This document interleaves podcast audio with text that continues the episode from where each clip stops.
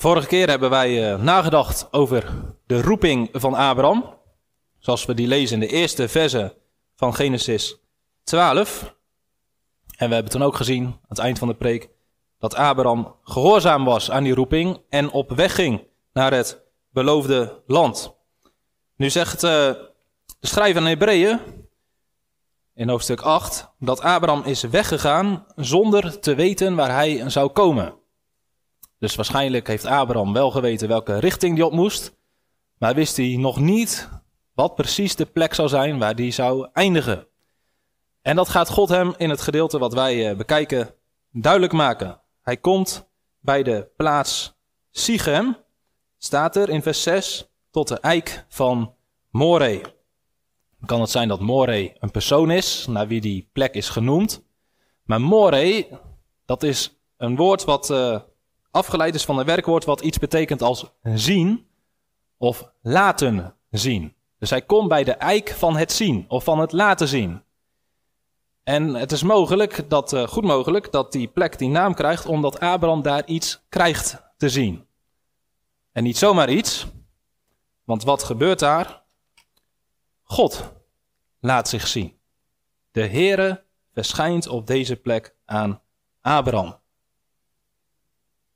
Nou, hoe zou dat eruit hebben gezien? Hoe zou Abraham de Heer hebben gezien? Dat staat er niet. We weten op andere momenten in het leven van Abraham dat God spreekt door een droom of door een visioen. Later in hoofdstuk 18, dan zit Abraham bij de ingang van de tent en er komen er drie mannen aan. En dan blijkt een van die mannen God zelf te zijn. Dus God die verschijnt als een mens. Nog weer later in Genesis 22, dan lezen we over een engel van de Heer. En die engel van de Heer staat niet voor niks met een hoofdletter. Die blijkt ook God zelf te zijn. Dus God heeft verschillende gedaanten, verschijningsvormen, waarop Hij zichtbaar wordt voor ons als mensen. Dat is nodig omdat God zo heerlijk is en zo groot dat als we Hem zouden zien zoals Hij is, zouden we sterven. Dus God kiest ervoor om op een bepaalde manier te verschijnen. Nu is het ook nog interessant, die engel van de Heer die komt in heel het Oude Testament regelmatig naar voren. En dat is iemand die aan God gelijk is en tegelijkertijd ook weer van God verschilt. En er zijn veel uitleggers die zeggen dat is de Heer Jezus voordat hij mens werd in het Oude Testament. Toen had je ook al de Zoon van God. Dus God verscheen in het Oude Testament door zijn Zoon, die later mens zou worden. In ieder geval, door heel veel verschillende vormen heeft God ervoor gekozen om aan mensen te verschijnen. En ook hier verschijnt hij aan Abraham. Het doel, God wil zichzelf openbaren. Hij wil dat Abraham hem leert kennen, zodat Abraham ook hem kan dienen. Het tweede wat God laat zien aan Abraham, dat is het land. Hij zegt, dit is het land dat ik je zal geven. Dit is de plek waar je uiteindelijk mag weten dat je zult wonen. Nou, let goed op, God zegt tegen Abraham, ik zal het aan je nageslacht geven. Aan uw nageslacht zal ik dat land geven. Dus dat doet al vermoeden dat Abraham misschien niet zelf het land zal krijgen. En later blijkt ook dat het nog heel lang gaat duren voordat het land werkelijk van Israël is. Het zal het nageslacht krijgen. Nou, vanavond gaan we daar meer over nadenken, over die belofte van het land en dat die uh, pas heel laat vervuld wordt. Nu focussen we op die openbaring, de verschijning van God. En misschien zijn we wel een beetje jaloers op Abraham. Of op al die andere mensen in het Oude Testament die zomaar een verschijning van God kregen. Moet je je voorstellen dat de Heer persoonlijk aan jou verschijnt. Dat je gewoon aan het werk bent op de akker, of je bent thuis in de keuken, of op je slaapkamer, en dan één keer is God daar. Nou, dan zul je denken, als, als je zoiets meemaakt, dan kun je nooit meer twijfelen aan het bestaan van God. Dus misschien denk je wel, ik zou dat ook wel hebben mee willen maken, zoiets. Kan de Heer dat ook niet nu doen aan ons? Je bent een beetje jaloers op Abraham. En dat is ook wel terecht, want het is enorm bijzonder dat de Heer aan Abraham wil verschijnen. Dat Abraham niet meer de afgoden hoeft te dienen, maar dat hij nu de levende God mag leren kennen. Maar geldt het ook niet voor ons? Dat God wel aan ons verschijnt. Hoe verschijnt God aan ons? Paulus zegt in 1 Timotheüs 3 vers 16, groot is het mysterie dat tot godsvrucht leidt. God is geopenbaard in het vlees. Dat betekent al dat Abraham heeft wel een verschijning van God gehad, maar nog niet gezien wat Paulus hier zegt, wat later is gebeurd. Namelijk dat God werkelijk mens is geworden en gebleven. Jezus is naar de aarde gekomen. Dat is een openbaring van God die Abraham niet heeft gehad, maar die later wel is gebeurd. En nu hebben wij het voorrecht dat wij die verschijning mogen kennen. Dat wij van die verschijning mogen weten. Dus in die zin hoeven wij niet jaloers te zijn op Abraham, maar kan Abraham eerder jaloers zijn op ons. Want God is nu geopenbaard in de wereld op een manier die veel groter en veel heerlijker is. En dat heeft ook voor ons betekenis. Paulus zegt in Titus 2, vers 11: De zaligmakende genade van God is verschenen aan alle mensen. Daarmee bedoelt Paulus dat overal en altijd wanneer het evangelie wordt verkondigd, dan verschijnt God. En hoe verschijnt God?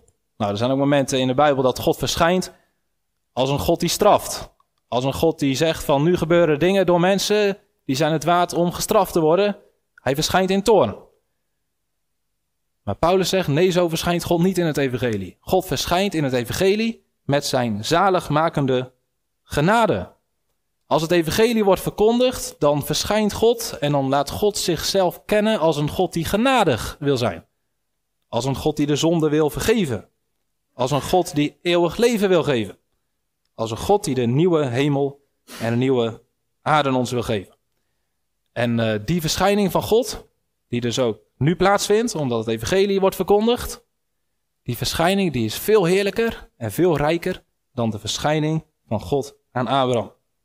Je zou kunnen zeggen, Abraham die heeft de zon wel gezien, maar achter een wolk. En achter die wolken zag hij de stralen schijnen. Maar wij zien de zon zonder wolk. Wij zien de Heer Jezus recht zoals hij is.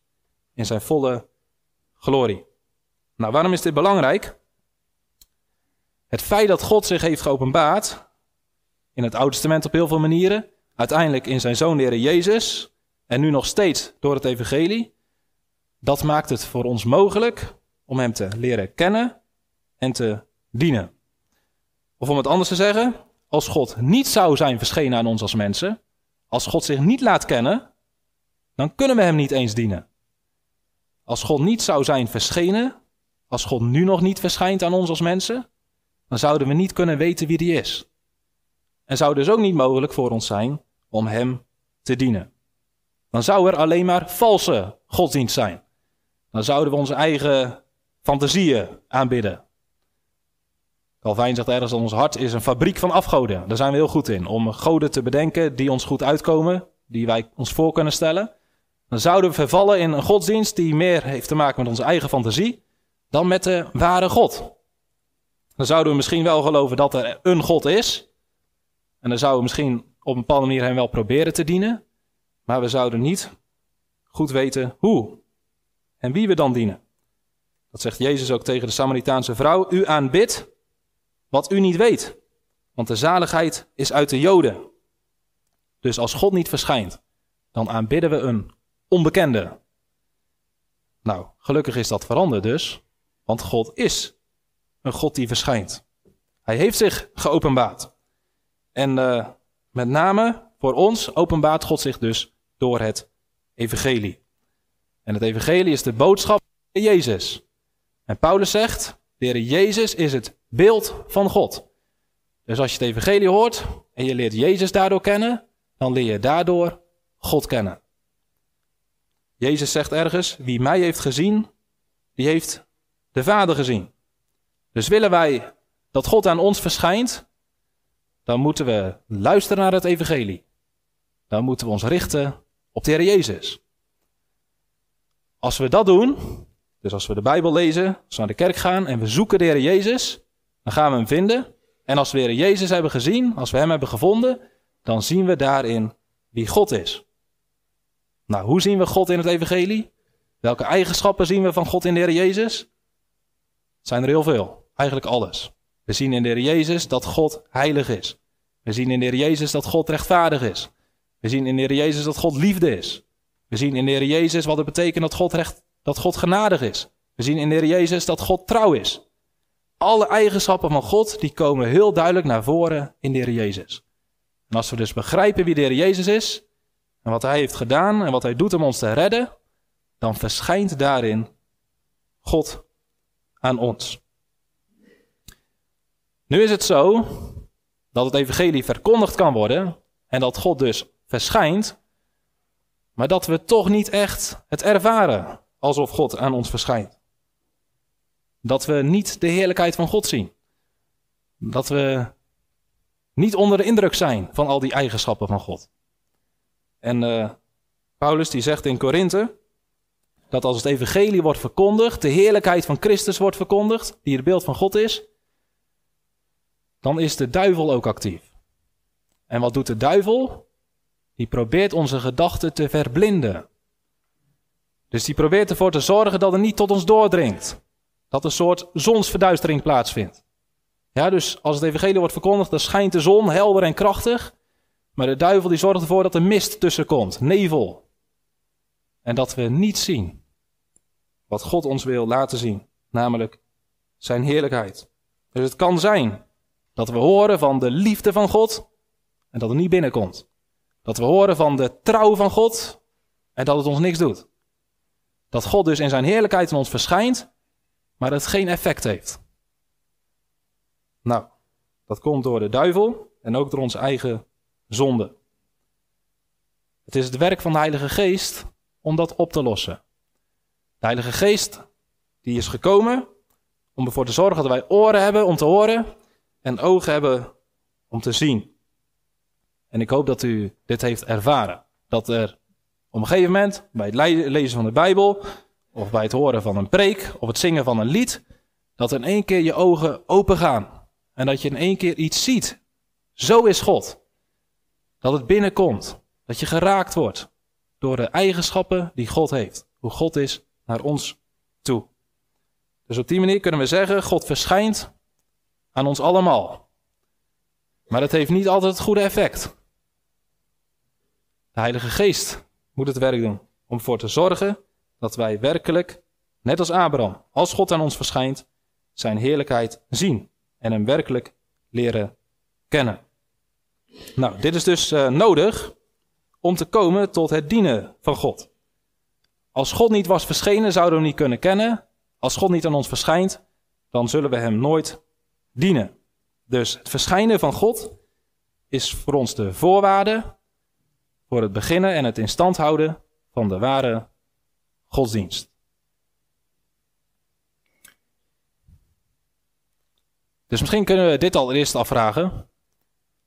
Als het gaat om onze eigen godsdienst. Hoeveel zijn wij in ons leven bezig met het dienen van God? Hoe sterk is het verlangen in ons hart om in ons leven God te dienen? Nou, als dat verlangen er niet is, of heel klein is, dan is dit waarschijnlijk het probleem. Dat we weinig van Gods heerlijkheid hebben gezien.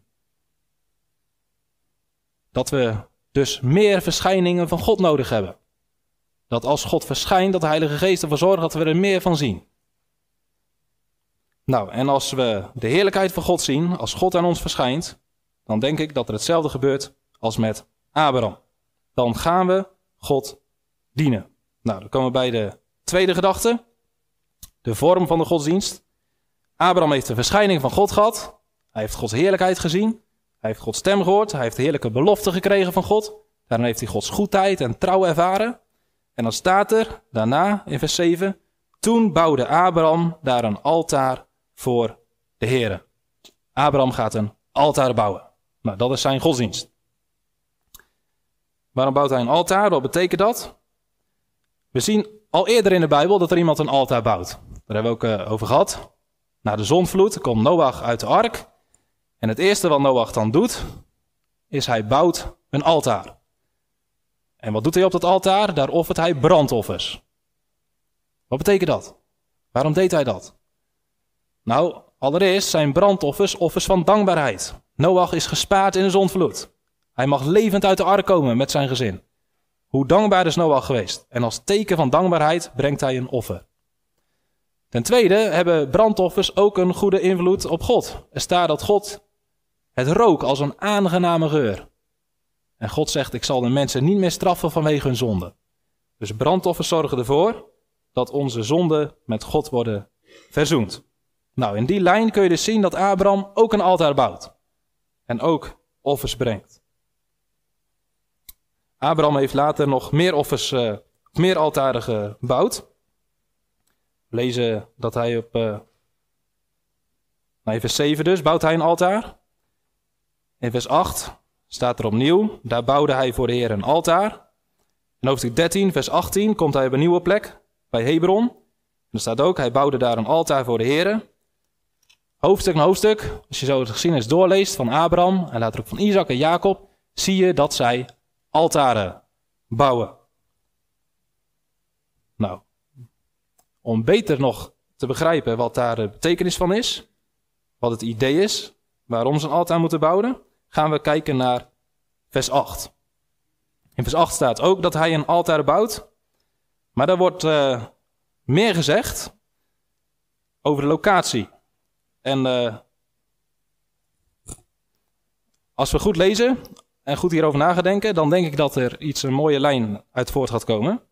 Er staat namelijk dat hij uh, naar het bergland ten oosten van Bethel vertrekt, daar zijn tent opzet, met Bethel in het westen en Ai in het oosten. Daar bouwde hij voor de Heer een altaar.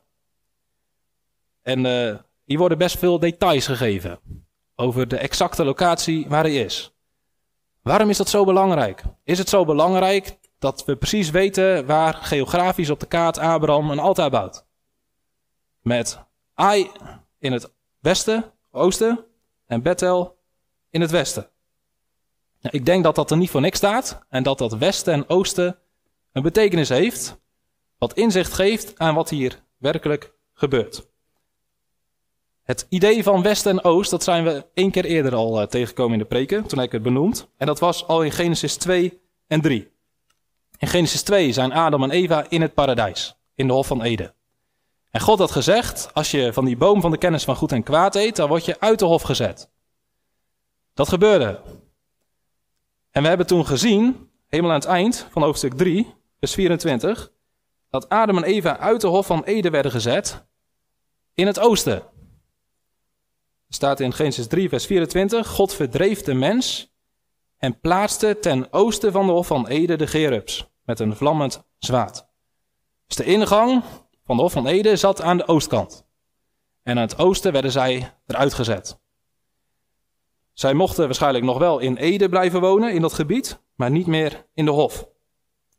Als je hoofdstuk 4 komt, de geschiedenis van uh, Kain en Abel, dan staat er dat Kain zijn broer Abel vermoordt. En dat is niet goed. En dan staat er dat God hem gaat straffen en dat Kain nog verder naar het oosten wordt verdreven. Er staat in Genesis 4, vers 17: Toen ging Kain weg van het aangezicht van de Heer. Hij woonde in het land Not ten oosten van Eden. Nog verder dan Adam en Eva wordt Kain naar het oosten gedreven. En wat je hier ziet, en dat wordt later ik krijg dan een symbolische betekenis. Hoe verder je naar het oosten trekt, hoe verder je bij God vandaan trekt. En de beweging naar het westen is juist de beweging naar God toe. Dus door de zondeval zijn Adam en Eva een stap naar het oosten gezet. Door het vermoorden van Abel is Kain nog verder naar het oosten verdreven. We komen het nog een keer tegen in Genesis 11. In de torenbouw van uh, Babel vooral. Daar heb ik toen niet echt op gewezen. Maar er staat in Genesis 11 vers 2. Zeg maar dat uh, Noach was uit de ark. Mensen begonnen weer te vermenigvuldigen. En er staat er in Genesis 11 vers 2. Het gebeurde toen zij naar het oosten trokken. Dat zij een vlakte vonden waar ze die toren gingen bouwen. Dus opnieuw zien we een beweging naar het oosten. En dat is niet alleen een geografische beweging. Ze zijn letterlijk naar het oosten getrokken. Maar dat is opnieuw een symbolische beweging. Beweging bij God vandaan. En dat blijkt wel uit wat ze gaan doen. Ze gaan een maatschappij bouwen waar God niet bestaat, maar waar de mens centraal staat. Dus in de beweging van west naar oost zien we in Genesis 3 tot 11 meerdere keren dat mensen naar het oosten bewegen. Bij God vandaan. En we hebben ook gezien dat eigenlijk deze hoofdstukken 3 tot 11 gekenmerkt worden door de zonde. En door het oordeel van God over de zonde. Bij Genesis 12 verandert dit. Dan gaat er een beweging komen van oost naar west. God roept Abraham uit Ur, wat in het oosten lag, naar het westen toe. Nou, nu hebben we dus een volgende tekst waarin west en oost naar voren komt. Abraham zette zijn tent op tussen Bethel in het westen en Ai in het oosten. Heeft dit hier ook misschien mee te maken? Nou, misschien wel. Want Bethel, wat in het westen ligt, dus naar God toe bewegen, betekent huis van God. Dus Abraham heeft aan het westen het huis van God. Ai, dat betekent ruïne of puinhoop, verwoesting. Als hij naar het oosten trekt, dan komt hij bij de puinhoop, bij de verwoesting. Nou, om nog de lijn nog duidelijker te zien, later in de tabernakeldienst komt die oost-west symboliek ook naar voren. De ingang van de tabernakel zat ook aan de oostkant. En als men van het oosten naar het westen bewoog, kwam men in het voorhof, dan in het heilige en dan in het heilige der heiligen. Een beweging van oost naar west.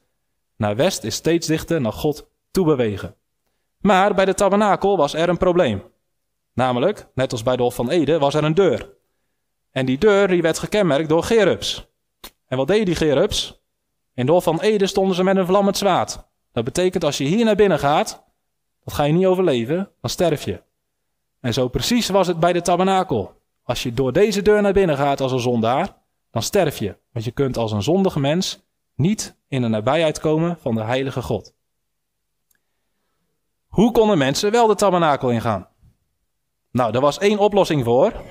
Voor de ingang van de tabernakel stond een altaar. Altaar. En door op dat altaar offers te brengen, kon je met het bloed wat vergeving gaf voor zonde, toch de tabernakel binnengaan. En God heeft gezegd vanaf Mozes, dit is de vorm, de manier waarop ik wil gediend worden door mijn volk Israël. Ik wil dat zij tot mij naderen. Ik wil dat ze mij ontmoeten. Ik wil aan het volk verschijnen in de tabernakel. Maar dat kan alleen als er gebruik wordt gemaakt van het altaar. Via het altaar kunnen mensen naar God toe bewegen. Nou, nu zou het volk Israël kunnen denken: waar komt dit allemaal vandaan? Dit idee van de tabernakel, van oost naar west bewegen en van een altaar. Hebben wij nu een nieuwe godsdienst? Nee, dit is een oeroude godsdienst. Deze godsdienst is helemaal terug te leiden naar Abraham. En Abraham had nog geen tabernakel, maar Abraham had wel een altaar. En Abraham die kon door dat altaar naar God toe bewegen. Dus ik denk dat in deze tekst op een uh, beetje subtiele manier zowel een lijn wordt getrokken terug naar het paradijs als vooruit naar de tabernakeldienst. En we zien hier de godsdienst van Abraham beschreven. En die was wel anders dan het volk Israël, maar toch waren er heel veel overeenkomsten. Abraham, die kon net als het volk Israël later via het altaar God dienen. Dat was de vorm. En dat dat de vorm was, dat staat ook in Exodus 20. Zegt God, als je mij wil dienen, dan moet je voor mij een altaar maken. En daarop uw brandoffers en uw dankoffers, uw kleinvee en uw rinderen offeren. En dan geeft God de volgende belofte: Op elke plaats waar ik mijn naam zal laten gedenken, zal ik naar u toe komen en zal ik u zegenen. Dus Abraham, die heeft een altaar gebouwd. Net als later het volk Israël in het tabernakel een altaar had. En God gaf daarbij de belofte: als je daar gebruik van maakt, dan kom ik naar je toe en dan zal ik je zegenen. Nou, dat was dus de vorm van de godsdienst van Abraham en later van het volk Israël. En dan is nu de vraag: op welke manier moeten wij onze godsdienst vormgeven? Als God aan ons verschijnt en wij leren Hem kennen als een goede God, als een God vol liefde, als een God vol genade, als een trouwe God, als een God die voor ons zorgt, dan willen wij Hem toch ook dienen? Dan willen we Hem ook eren. Hoe kunnen wij dat doen op een goede manier? Als God zegt in het Oude Testament: Ik zal naar jullie toe komen en ik zal u zegenen. Dan zeggen wij, Heer God, wij willen ook dat u naar ons toe komt. Wij willen dat u ons ook zegent. Nou, welke vorm moeten wij dan gebruiken? Dat God naar ons toe wil komen en ons wil zegenen. Moeten wij ook een altaar maken? Net als Abraham, net als Isaac, net als Jacob, net als het volk Israël. Moeten wij ook offers brengen? Dat doen we niet, hè? Waarom niet? Nou, antwoord is simpel. Eigenlijk is deze hele vorm van godsdienst veranderd door de komst van Jezus Christus. Dat bouwen van een altaar van Abraham, dat verwees al vooruit naar de tabernakeldienst. Maar die hele tabernakeldienst, die wijst vooruit naar de Heer Jezus. En de Heer Jezus heeft het laatste volmaakte offer gebracht dat nodig is om als mensen tot God te komen en zijn zegen te ontvangen. Je zou kunnen zeggen, het laatste altaar dat gebouwd is, wat de bedoeling was, dat was Golgotha, het kruis. Was het laatste altaar wat gebouwd moest worden. Om ons als mens in staat te stellen tot God te gaan, Hem te ontmoeten. Later zegt de schrijver aan Hebreeën, wij hebben een altaar waarvan wij mogen eten. En dan heeft hij dit in zijn achterhoofd. Dan doelt hij op het evangelie van de Heer Jezus. Dat hij gestorven is aan het kruis. Dat zijn bloed is gestort. Dat hij het volmaakte offer heeft gebracht. Waardoor wij tot God kunnen gaan. Hij zegt uh, in hoofdstuk 10 in Hebreeën. Omdat wij nu, broeders, vrijmoedigheid hebben om in te gaan in het heiligdom. Door het bloed van Jezus. Langs een nieuwe en levende weg. Die hij voor ons heeft ingewijd. Laten wij tot hem naderen. Dus wij hoeven niet letterlijk natuurlijk van oost naar west te bewegen. Naar de Randstad toe of zo. We hoeven ook niet uh, een altaar te bouwen. We hoeven geen offers te brengen. Dus de vorm is in die zin veranderd. Maar de inhoud, de essentie, blijft hetzelfde. Wij moeten ook een beweging maken naar God toe. Wij kunnen in ons leven bij God vandaan bewegen, of wij kunnen in ons leven naar God toe bewegen. Nou, wij moeten naar God toe bewegen natuurlijk. Maar hoe? Niet door geografisch te verplaatsen, maar door een beweging te maken van ons hart. Een beweging naar boven. Een geestelijke beweging. En hoe kunnen we die beweging op de goede manier maken, zodat we werkelijk God gaan ontmoeten? Dat Hij ons werkelijk zal zegenen? Nou, dat is een beweging die gaat door het geloof in de Heer Jezus Christus. Dus als wij in de kerk zitten, of als we Bijbel lezen, of als we bidden, of als we zingen, dan zijn we bezig, als het goed is, met een beweging naar God toe. Dan doen we dat om Hem te ontmoeten, om Hem te dienen. En als we dat doen door het geloof in de Heer Jezus, in het vertrouwen dat Zijn bloed, dat Zijn offer genoeg is om onze zonden te vergeven, dan kunnen wij tot God naderen. En dat stelt ons in staat om deze beweging te maken. Dus, elke keer, waar we ook zijn, als wij met ons hart een beweging naar God maken door het geloof in de Heer Jezus, dan doen wij precies hetzelfde als Abraham, die een altaar bouwde om tot God te kunnen naderen. Laten wij tot God gaan door het geloof in Jezus. En dan zal ook voor ons gelden dat God naar ons toe komt en ons zegent. Een hele mooie belofte vind ik, uh, is eigenlijk dezelfde belofte. Die geeft Jacobus in het Nieuwe Testament. Jacobus zegt ergens, nader tot God. En hij zal tot u naderen. Dus als wij verlangen om God te ontmoeten, naar hem toe bewegen, en we maken gebruik van het altaar van Jezus Christus, dan zal God, dat zegt hij, ook tot ons naderen. Dan zullen we God ontmoeten en zijn zegen ontvangen. Nou, tot zover over de vorm van de godsdienst. En tot slot kijken we naar de inhoud van de godsdienst van Abraham. Na het bouwen van het altaar staat er in vers 8. Er staat, hij bouwde daar een altaar voor de Heere en riep de naam van de Heere aan. En dat aanroepen van de naam van de Heere, dat is een samenvatting, een beschrijving van de inhoud van de godsdienst. Dus dan moeten we tot slot nadenken wat dat betekent. Wat betekent het aanroepen van de naam van de Heer? Die uitdrukking die komt al heel vroeg in de Bijbel naar voren. Al in Genesis 4, vers 26. Abel was gedood en God gaf in plaats van Abel een andere zoon. En die kreeg de naam Seth. En dan staat er in uh, vers 26 van hoofdstuk 4, ook bij Seth werd een zoon geboren. Hij gaf hem de naam Enos. Toen begon men de naam van de Heere aan te roepen. Het is de eerste keer dat het idee naar voren komt van mensen die de naam van de Heere aanroepen. En in heel de Bijbel kom je die uitdrukking heel vaak tegen. Heel vaak gaat het over het aanroepen van de naam van de Heer. En uh, soms betekent dit dat uh, het de heeft de betekenis van het vragen om hulp, om redding. God zegt bijvoorbeeld in uh, Psalm 50, vers 15: Roep mij aan in de dag van de benauwdheid. Ik zal u eruit helpen. Dus het aanroepen van de naam van de Heer is vragen: help mij, red mij. Psalm 116, gaan we straks zingen, zegt hij, banden van de dood hadden mij omvangen, angsten van het graf hadden mij getroffen. Ik ondervond benauwdheid en verdriet. Nou, dus iemand zit in grote problemen, heeft groot verdriet, benauwdheid. En dan staat er, maar ik riep de naam van de Heere aan.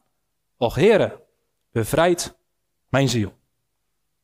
Dus als we de naam van de Heer aanroepen, dan zeggen we Heere, help mij. Heere, red mij. Heere, verlos mij. En de Heer heeft zichzelf geopenbaard. Hij is verschenen met dit doel: dat wij Hem zouden leren kennen als een God die wil helpen. Als een God die kan redden.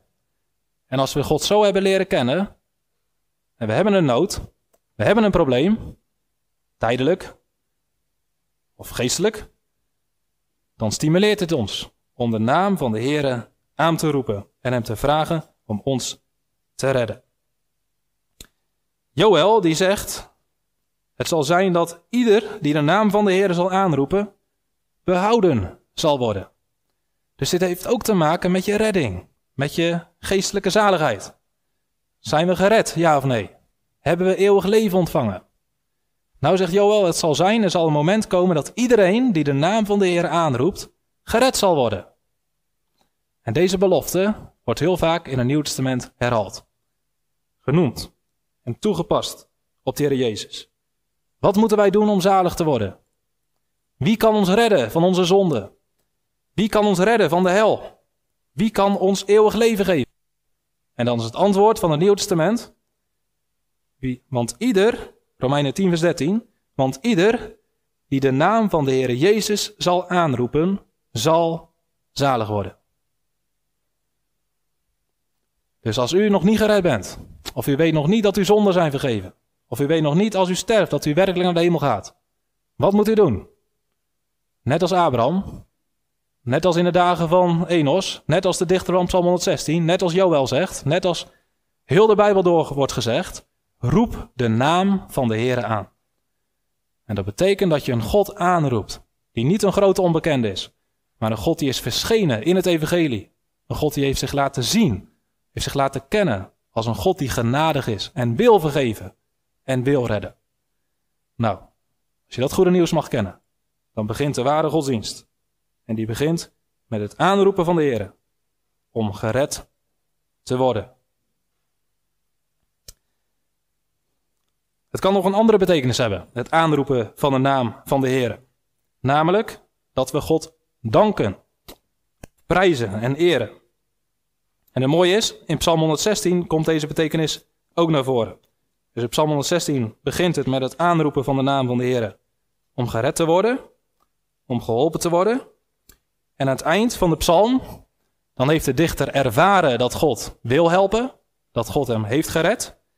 En dan zegt hij in vers 17, ik zal u een offer van dankzegging brengen en de naam van de Heere aanroepen. Zij zegt, omdat u mij heeft geholpen, breng ik een offer van dank en roep ik uw naam aan. Nou, ik denk dat we hier eigenlijk uh, Abraham kunnen horen spreken. Abraham, die heeft een verschijning van God gehad. God heeft tegen Abraham gezegd, ik ga jou dit land geven en aan je nageslacht. En Abraham die is natuurlijk dankbaar. En hij zegt, God, ik zal u, ik zal u een offer van dankzegging brengen. Ik bouw een altaar. En ik zal de naam van de Heere aanroepen. Dus het aanroepen van de naam van de Heer, dat kan ook betekenen dat we hem dankbaar zijn. In Genesis 13, vers 4 staat opnieuw dat Abraham de naam van de Heer aanroept. Nou, dan kun je zeggen, Abraham is Egypte geweest, daar in grote problemen gezeten, ging bijna helemaal mis met zijn vrouw, met de belofte van nageslacht, maar God heeft hem verlost. en teruggebracht in Canaan. En Abraham komt terug op de plek waar hij eerst is geweest. En opnieuw roept hij de naam van de Heere aan. We zouden kunnen zeggen, als het gaat om de inhoud van de godsdienst, gaat het er niet alleen om dat we vragen om hulp. Dat we vragen of God ons wil redden. Daar begint het mee. Maar vervolgens, als we op de goede manier God willen dienen, dan moeten we Hem ook danken en eren en prijzen, omdat Hij ons verhoort en de zegen geeft die wij van Hem hebben gevraagd. Nou, hoe staat het ervoor met onze godsdienst? Wij zijn als mensen gemaakt om God te dienen. Dat moet een belangrijk onderdeel zijn van ons leven. Ja, eigenlijk moet ons hele leven in het teken staan van dit: dat we God dienen. Nou, we hebben gezien dat het daarvoor nodig is om God te kennen. En we kunnen God kennen, want God is verschenen. En met name verschenen in zijn zoon. En kunnen we hem leren kennen door het evangelie. De tweede hebben we gezien op welke manier we God dan moeten dienen. Door te geloven in de Jezus.